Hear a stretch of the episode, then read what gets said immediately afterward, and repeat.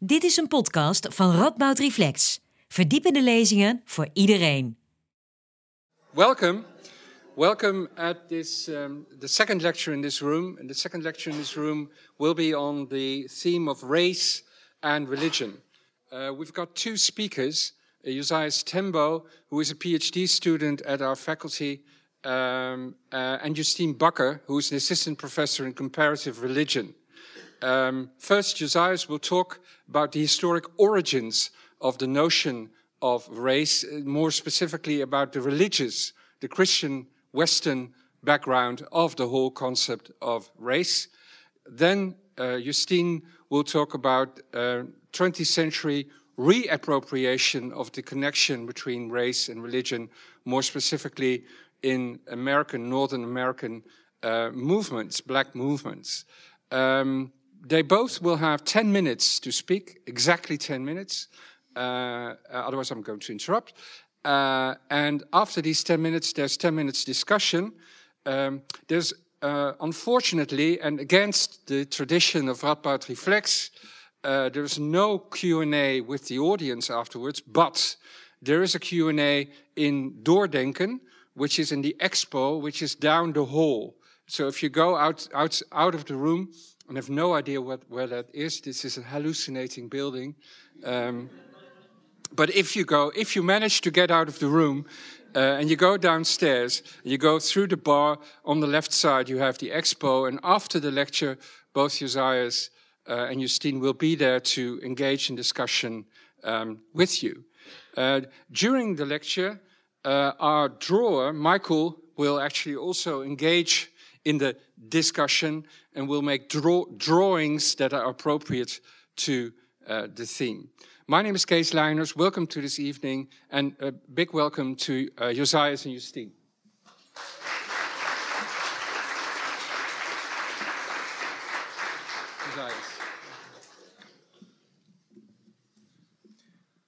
Uh, thanks for uh, inviting me to speak, and thanks everybody for coming. Um, I'll go straight into it. Today, it is common to think that racism is different from religious discrimination. It is also fashionable, especially among those living under the historical influence of Protestant Christianity, to believe that religion is a set of individual beliefs for individual salvation. It is consequently common to assume and even argue that religion has no place in politics precisely because it is held to be a private affair. The depoliticization of religion is especially common among those living in secular social and political systems such as the Netherlands. In this short talk, I want to broadly propose that race and racism are the continuation of religion and religious practices of Western Christianity towards Jews, Muslims, Black Africans, Arabs, Native Americans, and Asians, and the complex social practices that emerged from these religious practices. To borrow David Theo Goldberg's work, race is the secularization of religion. This claim is based on at least two minor claims. First, Western Christianity is defined, has defined itself as religion and conceived and justified its practices as religious is the basis on which the idea of race as a concept for the creation of difference between human groups and establishing and maintaining hierarchical and exclusionary social and political practices. Second, the idea of race and religion are fundamentally connected because they relate to Western Christianity's practices, that is, conceptual and social, that differentiate between, on the one hand, Western Christians, aka, or these days going by the name of the West, and on the other hand, Jews, Muslims, and blacks, and Native Americans and Asians. Of course, these conceptual and social histories have taken different and complex forms depending on local, social, historical, and political context, but I will not pursue the complexity of the relationship uh, between these different forms through which Christianity as a religion has managed to articulate and fashion itself in relation to its constitutive others. The claims I have just proposed above are inspired by the work of the African philosopher Valentine Mudimbe in his 1988 book called The Invention of Africa, and in a very interesting chapter called Romanus Pontifex and the Expansion of Europe, published in 1995. Also, my claim is inspired by a lot of other scholars who have been engaging with a, a, a question of the connection between race and religion. Mudimbe demonstrates that Western European gradual transatlantic and global expansion by means of colonialism and the transatlantic slave trade, the histories that we have associated with race and racism was mainly based on the religious framework described and prescribed by the papal bulls, these are the official letters of the Pope, Dum Diversas, written by Pope Nicholas V on the 18th of June 1452, which was later elaborated in another formal papal letter called uh, Romanus Pontifex, written on the 8th of January 1455. Similar papal bulls were written by different popes to different Spanish and Portuguese kings and emperors between the mid 15th and 16th century. In the papal bull Romanus Pontifex, Pope Nicholas V wrote to King Alfonso of Portugal to subjugate the enemies of Christ to the Christian religion. But then, what did this subjugation entail? Allow me to quote from this papal letter at length. And I quote We, therefore, weighing all and singular the premises with due meditation, and noting that since we had formerly by other letters of ours, granted among other things free and ample faculty to the aforesaid King Alfonso to invade, search out, capture, vanquish, and subdue all Saracens and pagans whatsoever, and other enemies of Christ wherever uh, placed, and the kingdoms, dukedoms, principalities, dominions, possessions, and all movable and immovable goods whatsoever held, possessed by them, and, I think this is more important, reduce their persons to perpetual slavery, and to apply and appropriate to himself and his successors the kingdoms, the dukedoms, the counties, the principalities, the dominions, possessions, and goods, and to convert them to his use and to his profit. End of quote. Saracens in this context were Muslims Pagans were the newly discovered native peoples of West Africa, or to use the word of the Pope, the Guinean men and other Negroes, end of quote. Without threats of attack from the said enemies of Christ, Western Christian elites believed it was their divinely ordained right to subdue the people they took to be the enemies of Christ to the Christian religion. These entailed the invasion, the capture of people, the thorough defeat, dispossessing them of their land, and more importantly, dispossessing them of their persons, in other words, of their humanity. So, but then one would wonder why should the Pope propose that the Portuguese should invade and conquer and capture the people? Why dispose the people not only of their lands and their culture, but also dispose them of their personhood or humanity? The popes, in a number of letters, affirmed and legitimized these practices because they wanted that the lives of the Muslims and black Africans to be converted to the use and profit of the king and kingdom, and kingdom here means the people and the territory, of Portugal, and for the sake of Western Christendom and the glory of God. Initially, these letters served as the official legitimation of Portuguese territorial claims in both North Africa and the newly discovered West Africa against the possible contesting claims by the Kingdom of Spain and other Western Christian kingdoms. The letters also served to make Portugal and Spain transatlantic slave trade and colonial endeavors legitimate Christian practices. The Portuguese and the Spanish appeal to the popes for legitimacy shows how powerful the church was at this time and how cultural, political, and economic practices in Western Christianity were fundamentally understood as religious practices, or they were primarily determined by religion. The separation between the church, which they called ecclesiastic authority, and the state, which they called secular authority, did not exclude the church from politics as some of us would understand it today. Rather, the separation between the church and the state was a way of allocating different social and political power or responsibilities between ecclesiastical authority and secular authority. Both the church and the secular aristocrats made up the elites of Western Christianity who, for the most part, determined and defined what Christianity meant, and a large part of the Christian population followed, and others were forced to follow what these elites defined as Christianity.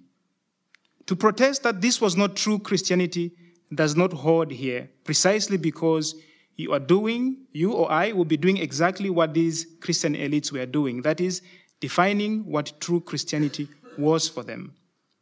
Perhaps the difference between these elites and us, who may argue that this is not true Christianity, is that they had the historical, social, and material resources and capacity to make the majority of the population of Western Christianity stake their lives on what these elites defined as Christianity. The resources and these capacities, I think you and I do not uh, possess. But more importantly, from the mid 15th century on, the practices that the Pope had described, prescribed, and legitimized formed the basis on which the increasing secularizing Western Europe will come to understand itself as the West, define Western Christians as a white race by way of social and anthropological hierarchical differences in relation to Jews, Muslims, and pagans, and here by pagans they meant indigenous peoples of Africa, the Americas, and Asia.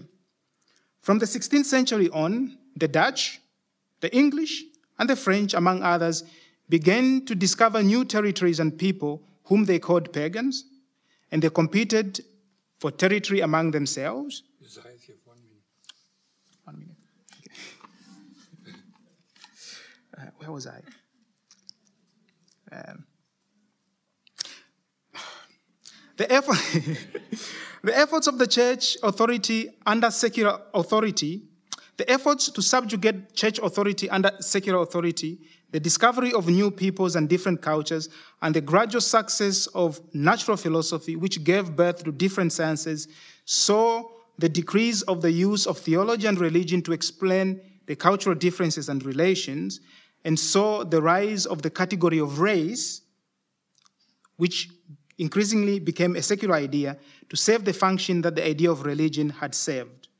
The rise of the idea of race to name physical and cultural differences between Western Christians and the rest, and to justify exclusion, exploitation, and dehumanization of non white and non Western Christians was the continuation of the practices that the papal bull Dum Diversas had prescribed for Western Christians. I'll skip some stuff here. Mm-hmm. Yeah. So, contrary to popular wisdom that racism pertains to biological differences or irreconcilable cultural differences between Western Christian culture and its secular um, ways of thinking and being, on the one hand, and Islam and Judaism and Hinduism and all these other religions, um, constitutes racism what I'm proposing here is that race and racism is about the discrimination and the subjugation of these different groups of people, perceived and socially constructed as non Christian, non secular, and sometimes, especially these days, prescribed and described as uh, religious subjects. And to end my very brief talk.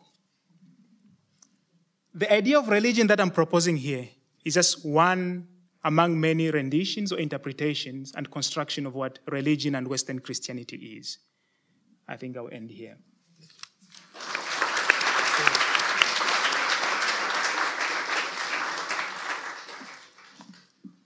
Um, is this close enough to the to the mic? Okay, wonderful. Um, thank you all very much for for being here uh, and Josias for your talk. It's always wonderful to be on a stage with Josias, um, as it is tonight as well. So, as Josias just demonstrated, race and religion have been used to create and maintain hierarchies, to create and manage and control human differences, to exert power by one group over another, and to create a social world of immense and persistent inequality. We must continue to study uh, how race and religion operate in this way. But racialized people have also protested and fought and resisted this world. They have imagined and realized new and alternative ways of being and thinking. And one of the ways they do this and did this is by infusing race and religion with new meanings. And this is what I want to focus on on my short lecture. And I'll, I'll really try to keep it uh, to the 10 minutes. Um, to do this, I will tell you a little bit about the Nation of Islam, which is a black religious movement in the United States that most of you probably know through Malcolm X, who joined the movement in the 1950s and became one of its most important spokespersons. There's a certain risk in bringing the Nation of Islam um, into this conversation here, in particular in this majority white space.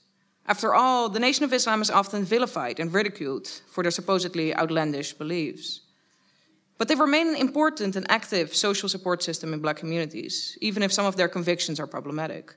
So, what I want to focus on here is how and why the Nation of Islam transformed racial and religious categories and identities. And I will do this by sharing some of the insights of two scholars of black religion, Stephen Finley and Judith Weisenfeld, who uh, recently published books on the Nation of Islam that I really recommend everyone to read. Um, but yeah, I'll bring some of the, the highlights. I'll bring uh, I'll bring here already. So important for our topic today, they show how race and religion operate in the nation of Islam, and they complicate, I think, two misconceptions that we, especially in the Netherlands, tend to have about race and religion. So the first is a common misconception about race. When we teach or write about race, we tend to assume that race is something that white people impose on others. And this makes sense considering the history of race, of which Josias just shared a little bit.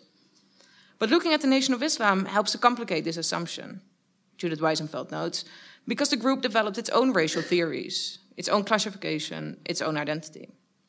The second is a common misconception about the relationship between race and religion. We tend to think of race and religion as two distinct categories. Religion revolves around belief, race revolves around the body. But the Nation of Islam created a racial identity that was at the same time religious, or perhaps a religious identity that was at the same time racial. For the Nation of Islam, the two cannot be easily separated, and this is why Weisenfeld calls it a religio racial movement. So I'm going to take you back to July 4, 1930, a symbolic and important date. A salesperson who calls himself Fard Muhammad walks the street of Paradise Valley, a predominantly black neighborhood in Detroit. When invited in, the man shares a narrative of African Americans' glorious origins, their true home of Mecca, and their true natural religion, Islam. Simultaneously, he offers a pointed critique of Christianity, and this is a bold move at the time, considering that most African Americans belonged to a Christian denomination. Denomination, sorry. The man also preaches an apocalyptic vision of the coming war of Armageddon, which would lead to an end of white domination. In the subsequent years, Fard's following would increase, and how could it not? These were the days of the Jim Crow South, when lynching instilled fear in black Americans and segregation laws separated them from white people in public spaces. These were days, too, in which black Southerners who fled racism and disenfranchisement were not allowed to live in majority white neighborhoods in the North. These were days of hardship, of oppression, and of subjugation. We must not forget that they are also days of joy, of beautiful experiments, as historian and literary scholar Saidiya Hartman calls them. These were days of jazz and poetry in Chicago's Bronzeville and New York City's Harlem, of the new Negro movement, which promoted a new sense of racial pride, of Marcus Garvey, Noble Drew Ali, and other visionary black leaders. And it's in this context that Fard's message appears and was transformative. So when he left, he mysteriously disappeared in 1933. His pupil Elijah Muhammad took over and expanded his vision. And it's he who established the Nation of Islam, a movement that still exists and still flourishes to this very day. Elijah Muhammad said that black people were the original people, created by a black God, and as such have a special connection to the divine. Divided into 13 tribes, the original people were at the time of their creation, and I cite Elijah Muhammad here, united by skin color, black, religion, Islam, and disposition, righteous. Black people were not Christians, but Muslims. They were not, and I'm again quoting Elijah Muhammad, so called American Negroes, but Asiatic. And white people, they were created much later, not by God, but by a black scientist through a process of genetic engineering. And if this sounds fantastical to you, that's because the Nation of Islam operated in and sought to transform a society that was and is thoroughly shaped by the destructive fantasy of racial and religious hierarchy and difference. This is the context in which they operated. This is the context in which they developed and honed their ideas. As is always the case with religious convictions, followers of the Nation of Islam interpreted this creation story in a wide variety of ways, from the most literal to the overwhelmingly symbolic. But either way, it reversed then prevalent notions of black inferiority and white superiority. At this point, we may ask, and you may wonder, what the Nation of Islam has to do with race and religion as we generally tend to understand it in the Netherlands. Since the UN declared race a harmful, destructive myth in 1950, the Dutch have been immensely hesitant to talk about or even use the word race, let alone the Dutch word ras.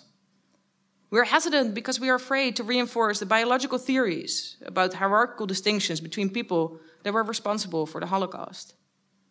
In recent years, scholars and others have begun to push back, however, declaring that we need to talk about race. The silence about race, to use sociologist Alana Lentin's phrase, obscures the continued oppression, subjugation, and segregation of people of color. It obscures that racial hierarchies, in fact, do persist, although they are concealed now in words like culture, civilization, or indeed religion. Using a term like race is not without risk, certainly, and many have noted this. But I want to point your attention to something else. Even as we hesitantly, tentatively, cautiously, and not without contestation, have begun to reinsert race into our vocabularies, we seem to remain convinced that race is something imposed, something done to the other. But in this view is problematic, as Judith Weisenfeld notes, because it implies that white people are the only ones who can create racial identities, racial categories, racial theories. This is where the Nation of Islam comes in. As Weisenfeld's book demonstrates, the Nation of Islam constructed and lived a racial identity that was very different from dominant uh, American racial categories. When white people decided that Elijah Muhammad and his black followers would be called, and I'm going to use the word again because it's important, I think, that we know the context, will be called Negro, Muhammad resisted.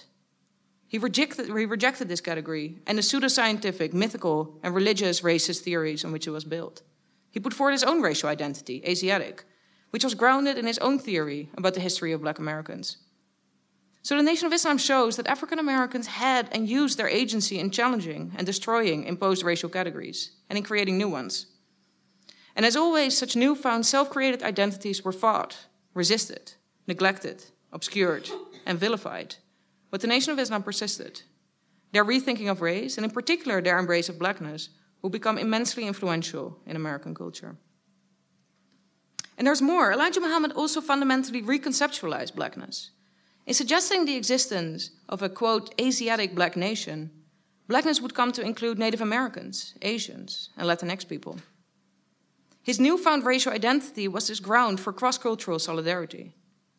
But blackness was even bigger than this. According to Elijah Muhammad, there were black people living on other planets. So, in Muhammad's teachings, as Stephen Finley observes, blackness becomes extraterrestrial. So, here we have it Elijah Muhammad rejected the racial category that was ascribed to him and fundamentally, decisively reconceptualized blackness as God created, expansive, and original. I want to highlight once more the significance and importance of this. Although white Americans associated blackness with inferiority, the Nation of Islam imbued it with new and divine meaning. This, yeah, this, this will be, work out perfectly, I hope.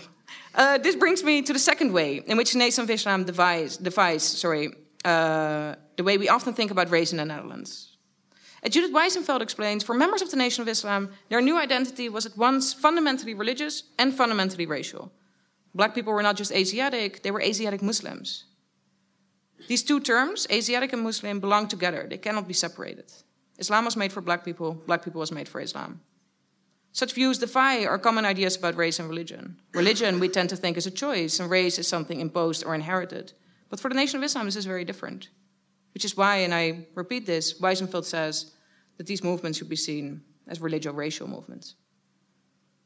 So tonight, I have shared with you a story of creativity and of agency against all odds. And to be very clear, I'm not advocating that we should adopt the Nation of Islam's racial theories. That's not my job as a scholar.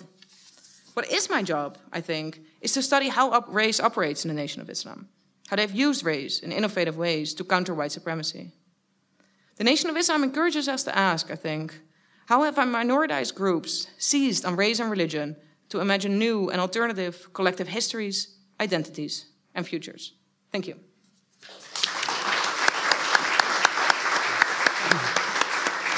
We've got, uh, we've got four minutes left. Um, four minutes? Four minutes, okay, yes. um, maybe first question to you, uh, Isaias. Um, so you you described the you know the process in which Western Christianity racialized, so to speak, the other, uh, um, and the other is compounded. It's a category that you know. Uh, um, Africans, uh, Saracens, as you call, as you mentioned, and so on. But how does that relate to attempts also um, uh, on the basis of the same Christianity? And I'm not saying it's true Christianity. I have no idea what true Christianity is, and I'm not interested in it either. But um, how do you relate that to attempts to, for instance, uh, abolish slavery on the basis of human rights, inspired by the same Christian, Western Christian vision? Um, so how, how, how, does that relate with your story about the invention of the category of race by the same Western Christian uh, tradition? Yeah, in, in the talk, I briefly alluded to the complexity of yes. the history in terms of how people think about these things, but also in terms of how people practice what they think. And uh, yeah, there are histories. Microphone. Yes. There are histories of Christianities. And not everybody agreed with what uh, the political elites decided, and uh, not everybody was motivated by the same uh, uh, reasons.